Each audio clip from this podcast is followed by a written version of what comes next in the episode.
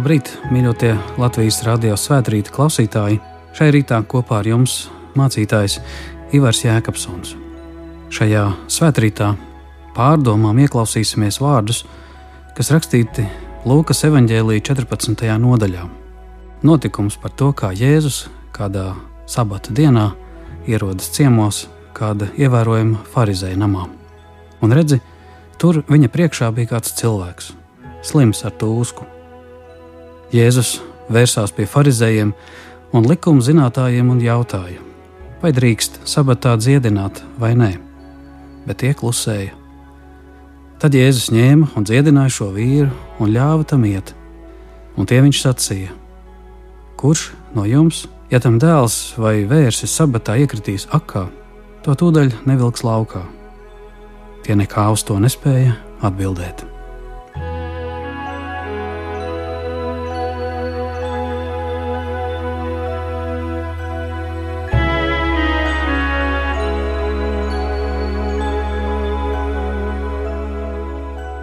Kungs, Dievs, mēs lūdzam Tevi svētī mums šo Tavu vārdu. Tavi vārdi ir patiesība. Amen!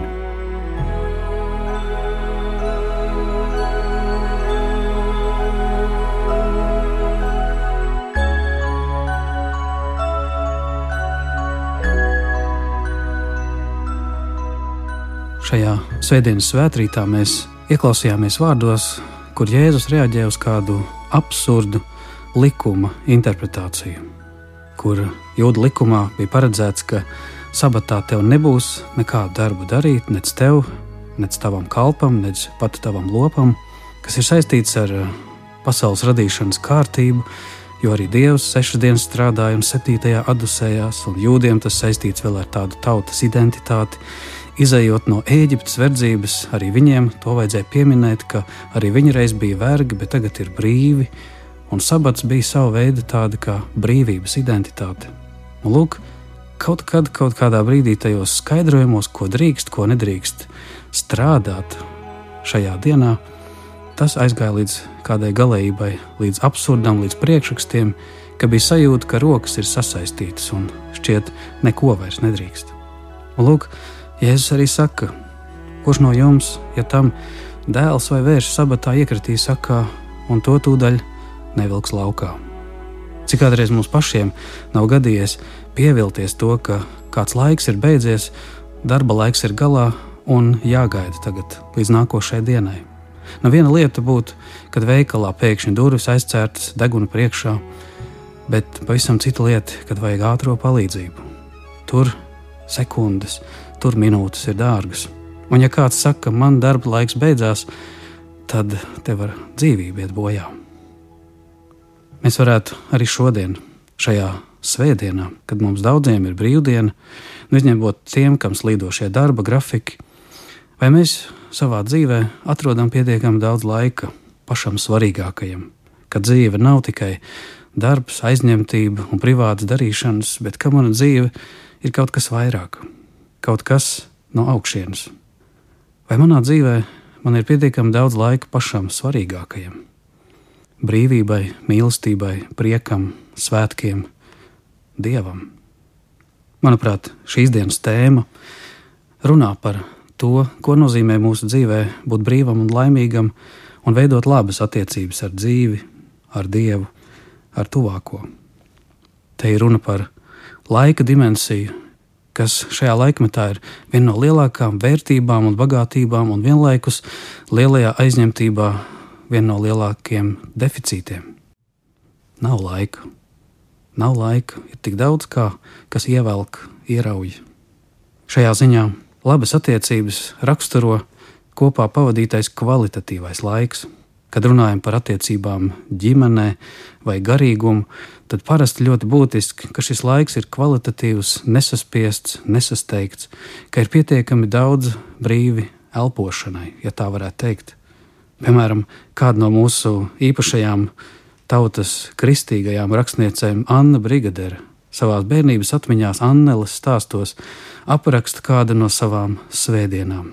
Viņa raksta, ka tad līdzās ir bijuši vecāki. Tie nekur nesteidzas, ir laiks kopā, māte iet kopā ar bērnu pa pļāvu un čukst pie sevis 23. Bībeles psalmu vārdus.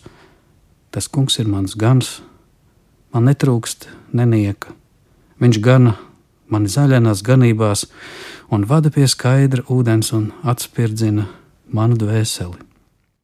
Lūkā apraksta svētdienas izjūtu šī Anēlas māte kā atspirdzinājums. Un tas pats arī mazā bērna sirdī, kad viņi ieķeras vecākiem rokās kā šūpolēs un laižas gaisā, un ir tik labi, viegli, priecīgi. Nav steigas, nav vairs vecāku noraidušie vārdi, ka lai nemaisās pa kājām un netraucē, jo nav vaļas. Ir tāds prieks būt kopā ar tēti un mammu, ir pacilātība un miers. Lūk, tā par dzīves būtisko sastāvdaļu, kur ir vieglums, kur ir brīvība, kur ir atpūta, runā šī mūsu rakstniece par savām bērnības atmiņām. Un man šķiet, ka tad, kad Jēzus iegāja šajā ievērojamā farizēja namā, arī viņš, dziedinot slimo, patiesībā gribēja izārstēt arī mūsu visu laiku, lai tas nebūtu slims, lai tas nebūtu iedzīts dažāda veida dzīves bedrēs, nastās, rūkumā, izmisumā, pārgurumā, bet lai tā būtu svētīta, piepildīta, spēka pilna dzīve.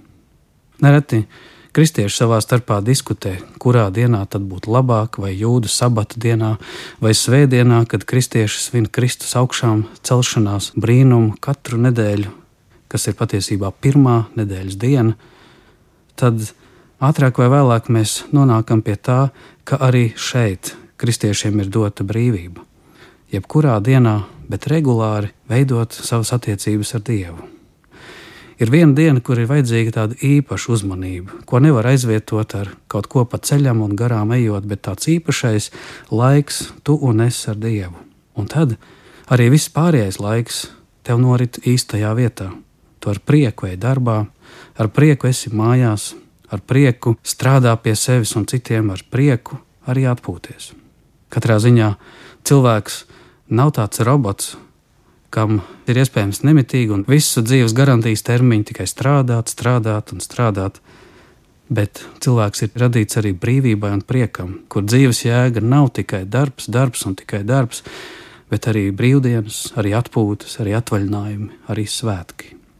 Un šeit, turot likumus ļoti rigorozi un strikti, klausot dievam uz burta, pat vēl vairāk, farizēji bija aizmirsuši žēlsirdību un brīvību kur tā vietā, lai priecātos un pateiktos, ka viens cilvēks šajā dienā iegājis slims, pārnāk mājās vesels, viņi saka, nē, tā nedrīkstēja darīt. Vajag darba dienā strādāt. Lūk, Jēzus pats savulaik sacīja, ka viņa kalpošana patiesībā nav pasīva, bet aktīva. Ka viņa dieva baušļu interpretācija nav tikai nedrīkst ļaunu darīt, bet dara labu, mīli dievu un tuvāko no visas sirds spēka un prāta Dieva baušļi sargā mūs no ļauna. Tie, protams, saka, ka ir jāapstājas, jābremzē tur, kur ir sarkanās gaismas, nevar dzīvot bez bremzēm. Taču kristīgā morāla nav tikai garīgs aizliegums un bremze. Tā nav kā daži pārprotot, interpretē baušļu svētības un saka, ka tā ir negatīva programma. Taisn otrādi. Jēzus šos baušus interpretē pozitīvi, kā mīlestību, kas tuvākam ļaunu nedara kā mīlestība, kas nevis vienkārši nenoliedz, ka ir Dievs, bet aktīvi piedalās Dieva darbos. Lai cik tas būtu paradoxāli, šī vecā likuma un tādā striktā domāšana nespēja pieņemt šo Jēzus absolūto brīvību, un patiesībā viņi šī iemesla dēļ sāka Jēzu vajāt. Kā ir Jāņa evanģēlijā rakstīts 5. nodaļā, ka jūdi sāka Jēzu vajāt tādēļ, ka viņš kādu vīru bija dziedinājis sabatā. Bet Jēzus sacīja: Mans tēvs vēl ar vienu strādā, un arī es strādāju. Un tad jūdi vēl vairāk meklēja viņu nonāvēt tādēļ, ka viņš ne tik vien neievēroja sabatu, bet sauca Dievu par savu tēvu, sevi pašu pielīdzinādams Dievam. Jēzus nomirst pie krusta par to, kas viņš ir, par to, ka viņš gribēja mūsu dzīvi darīt brīvu. Jēzus tika apsūdzēts par to, kas viņš ir. Līdzīgi kā Daudz tika vajāti tāpēc, vien, ka ir kristieši, tāpēc, vien, ka viņiem tāda un tāda ādas krāsa vai tāda un tāda tautība. Jēzus, Dieva dēls, mira pie krusta, lai mums būtu svētdiena. lai mums būtu augšām celšanās cerība, un mūsu dzīve būtu arī svētītas, grēku piedošanas, dziedinājuma un dievišķa prieka piepildīta. Šāda diena, reize nedēļā, runā par regulārām attiecībām, kas ir ļoti būtiskas. Ka mūsu attiecības ar Dievu nav tikai kaut kad, nezinu kad, vai gadījumu rakstura ātrās palīdzības attiecības, kad nu kaut kas smeļas mutē vai iekrita sakā, bet ka tās ir arī regulāras, iknedēļas, varbūt pat ikdienas attiecības, rītos, vakaros un svētdienās. Katrā ziņā arī mēs varam no Dieva likumiem mācīties tos mīlestības attiecību balstus, kas veido laimīgas attiecības. Pirmie trīs baušļi, ja tos interpretē tiešām pozitīvi, nevis tikai kā vienu vienīgu aizliegumu, mēs redzam, ka ir ārkārtīgi būtiski ir ieraudzīt, ka pirmais bauslis māca savstarpēju uzticību, robežas, ko nedrīkst pārkāpt, lai nezustu patiesu paliekošu mīlestības pilnu attiecību pamats. Otrais bauslis, kas saka, tev nebūs dievvvārdu nelietīgi valkāt, aicina patiesībā dievu godāt un slavēt, un neizmantot šo vārdu nelietīgi un nezaimot. Tā ir mīlestības pilnā saskarsme, kas arī jebkurās attiecībās, arī laulības un darba attiecībās liecina par klimatu, kas šajās uzticības pilnajās attiecībās ir nepieciešams. Pilni attiecību veidošanas žurnāli saka, ka mīlestība grib pieskarties, sarunāties, saņemt apliecinājumus. Un tādēļ uzticība nav tikai tāds sūrs pienākums, bet aiz visa tā, tajās dzīves telpās, kas veido uzticību, patiesībā ir silta mīlestības saskarsme. Bet, ja mēs būtu absolūti uzticīgi un sirsnīgi viens pret otru, bet ja mēs sacītu, man nav laika attiecībām, man nav laika tam, kas man dzīvē ir vērtība un dārgs, tad tie ir tukši vārdi. Tad Likumos tas formāli ir ierakstīts, bet budžetā, laika patēriņā tas nekur neparādās. Tā ir vienkārši melošana. Ja es saku, man nav laiks ģimenei, tad man ģimene patiesībā nav dārga. Ja es saku, man nav laiks kaut kādām lietām, kas ir vajadzīgas ar tautas lietām, tad es saku, tad tā mana tautas mīlestība, piedod, ir vienkārši formāla muldēšana. Bet, ja es saku, man nav laiks dievam, tad arī tā ir tikai tāda filozofēšana par Dievu, kas ir kaut kur citur, bet manā dzīvē patiesībā nav patiesas, praktiskas dievbijības. Katrā ziņā šī diena aicina nevis vienkārši ieiet brīvdienā kaut kā, jo ir cilvēki, kas neprot atpūsties un neprot arī mēreni strādāt. Bet šī diena saka, ka mēs esam aicināti ieiet Dieva atdusā, Dieva svētītā brīvdienā kurā ir dzīves jēgai piešķirts tas augstākais mērķis, ka šī dzīve nāk kā dieva dāvana un dodas dieva valstībai pretī uz mūžību. Sajaucot šīs dievišķās prioritātes, apgāžot vērtības riņķī un atstājot dievam kaut kādu pēdējo vietu un laiku dievam atliekot kaut kad, kad varbūt būs, patiesībā dzīve paliek iztukšota. Līdzīgi kā Līdzībā, ko Jēzus stāstīja par kādu saimnieku, kas rīkoja mīlestību un aicināja ciemos, bet viss sāk aizbildināties, ka vienam ir tīrumi, citam lopi, citam ģimene, kas neļauj atnākt uz svētkiem. Patiesībā, vai tie ir draugi, vai tie ir kaimiņi cienīgi, ka tad, kad kungs aicina, tad es neierodos. Šajā ziņā daudz cilvēku lūdz dievam svētītu darbu, svētītus īpašumus un brīnišķīgu ģimeni bet saņemot dzīvē šo dāvanu, padara to plakanu, bez kādām garīgām vērtībām, un beig beigās nonāk dzīves strupceļā. Katrā ziņā es atceros, kā kāds no mūsu Latvijas mācītājiem teica, ka viņš kopā ar sievu ir sapratis, ka būtiski ir regulārs personīgais laiks attiecībās ģimenē. Vismaz reizi nedēļā doties uz randiņu, kur ir personīgais tu un es, viņš sacīja tādā komiskā nosaukumā, ka šī attiecību profilaks un mīlestības kopšana tiešām maksā lētāk nekā kapitālais remonts. Jo ir arī ārkārtīgi pretēji gadījumi, piemēram, par kādu ģimeni, kas pēc septiņiem gadiem laimīgas šķiet laulības izšķīrās. Un viņi jautāja, kā tas varēja notikt, kad sākumā, kad viss bija tik skaisti, tik jauki, bija tik skaistas mīlestības pilnas sarunas, vēlāk tam aizstājās priekšā sadzīves lietas, rūpes un vēl viss kas cits, un pārnākot mājās sākās vēl viens darbs un cīņa ar kādu trūkumu un nebūšanām, un visu lietu priekšā nostājās tas, kas nav, tas, kas pietrūkst. Nebija vairs tas vieglais, skaistais, tu un es. Un lūk, patiesībā pazaudējot šo īpašo laiku, kur nekas cits vairs netraucē, kur viss cits tiek palikts malā, patiesībā nosmaka arī mīlestība. Un mēs varētu līdzīgi jautāt par dzīvi vispār, par manām mīlestības attiecībām ar Dievu, kas man ir radījis. Vai gadījumā nav tā, ka daudziem no mums laika gaitā apdziest un nosmok mūsu mīlestību uz Dievu, tāpēc, ka neesam ieplānojuši un pietiekami daudz laika pavadījuši svētīgās attiecībās ar Dievu. Ka tur pārāk daudz ir valdījis veikals, pārāk daudz ir valdījis tikai vajadzības un pārmetumu, bet par mazu pateicības prieku, par mazu šīs kopā pavadītās klusās būšanas, kur no Dieva saņemam patiesas svētības. Kādā vārdu žurnālā lasīju, kad pat pēc 25 gadiem kāda vācu ģimene sajūt, kad iestājies tukšums. It kā nekā netrūkst, ir nauda, ir dzīvoklis, bet kaut kas pietrūkst. Vīrs griezās pie dieva un sāk kopīgi pavadīt laiku kopā ar dievu, un atcerējās, ka kaut kas, kas attiecību sākumā tik īpaši piepildīja, bija pazudis. Izrunājot šo garīgo tukšumu ar dievu, viņš piedzīvoja to, ka atkal uzkuras tāda dziļā mīlestības spēka elpa, kas vienīgi iespējams svētajā garā, kas ir visas mīlestības, prieka un miera avots. Un viņš saka, pavadot laiku kopā, lasot Dievu vārdu, lūdzot viņu uguntiņu, viņu prieks, pat viņu mīlestības deksme atkal atjaunojās. Notika tāds tā kā augšām celšanās brīnums. Viņa atguva ne tikai ģimeni, bet atguva arī to, kāpēc vispār viņa ir šajā dzīvēm. Viņi sadavās kopā, lai dotos cauri šai dzīvei pretī mūžības cerībai. Ieraugot, ka ir lietas, ko darbs, bērni, tauta, ģimene, vīrs un sieva nevar iedot. Ir kaut kas, ko var iedot vienīgi Dievs.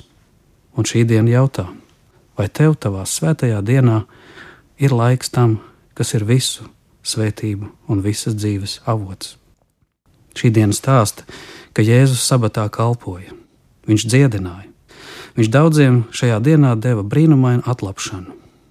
Jēzus mācekļiem deva šo piemēru, lai arī mēs tajā visā sekotu, lai mēs ieraudzītu, ka mēs nevis vienkārši noslēdzam nedēļu ar kādu nogurumu, pārpalikumu un izgulēšanos, lai atkal ieraustos kādā rutīnā, bet otrādi. Ka mēs patiesībā, kā jau kristieši svin pirmo nedēļas dienas svētdienu, ka tā iesākas ar svētītu skatu uz debesīm, ka tā tā kā no augšienes ļauj ieiet dzīves ikdienā ar dieva spēku, svētītu darbu, ka mana dzīve vairs nav rutīna.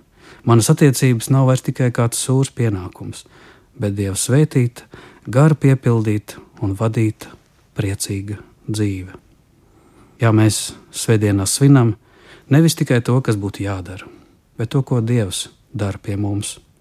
Ja mēs atrodam laiku, pietiekami daudz svētītu laiku Dievam, tad arī mūsu dzīvē var piepildīties tas, ko Jēzus izdarīja toreiz tur. Vienam vīram, dziedinot tūsku šajā sabata dienā, atdodot veselību. Jā, viņš saka, vai tad arī jūs, ja kāds dēls vai vērsis būtu iekritis sakā, vai tūdaļ to neizvilktu? Jā, kādēļ mums gaidīt?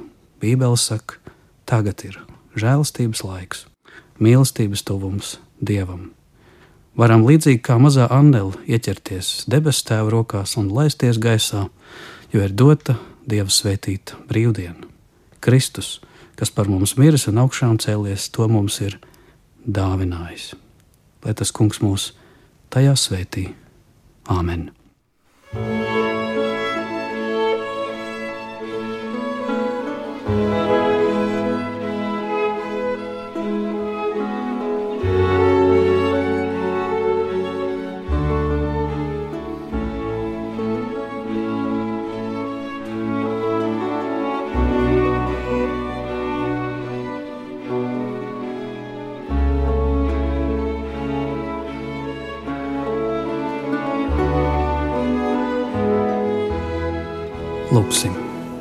Mīļais Dievs, debes Tēvs, mēs sakām paldies par dienu, kas ir šodien, kas katru nedēļu atnāk mums kā Tevis svētīta dāvana, ka dzīve, kas ir Tevis dāvināts laiks, var būt mums ne tikai kādas rūpes un raizes un dažādi veidi pienākumi, bet arī prieks, miers un brīvības svētajā garā. Svētī, ka Rūpējoties par šīs dzīves lietām, mēs nepaņemam garām tam vairāk, lielākajam, kas mums dzīvē ir dots - mīlestību uz tevi, kungs, un mīlestību uz tuvāko, kur dodam pietiekami daudz laika viens otram, lai justos laimīgi. Svētī mūsu zemi, mūsu tautu, kā arī tā no svētdienas uz svētdienu piedzīvo atspirkšanu, ka tā var atjaunoties darbiem un pienākumiem, lai tos ar prieku darītu tev, kungs, par godu un mums visiem par svētību. Jēzus vārdā. Mēs tev lūdzam, debes Tēvs, kā Viņš to mums ir mācījis. Mūsu Tēvs debesīs, svētīts lai top tavs vārds, lai nāk tava valstība, tavs prāts, lai notiek kā debesīs, tā arī virs zemes. Mūsu dienascho maizi dodi mums šodien, un piedodi mums mūsu parādus, kā arī mēs piedodam saviem parādniekiem. Un neievedi mūsu kārdināšanā, bet atpestī mūs no ļaunā. Jo tev pieder valstība, spēks un gods mūžīgi mūžos. Āmen!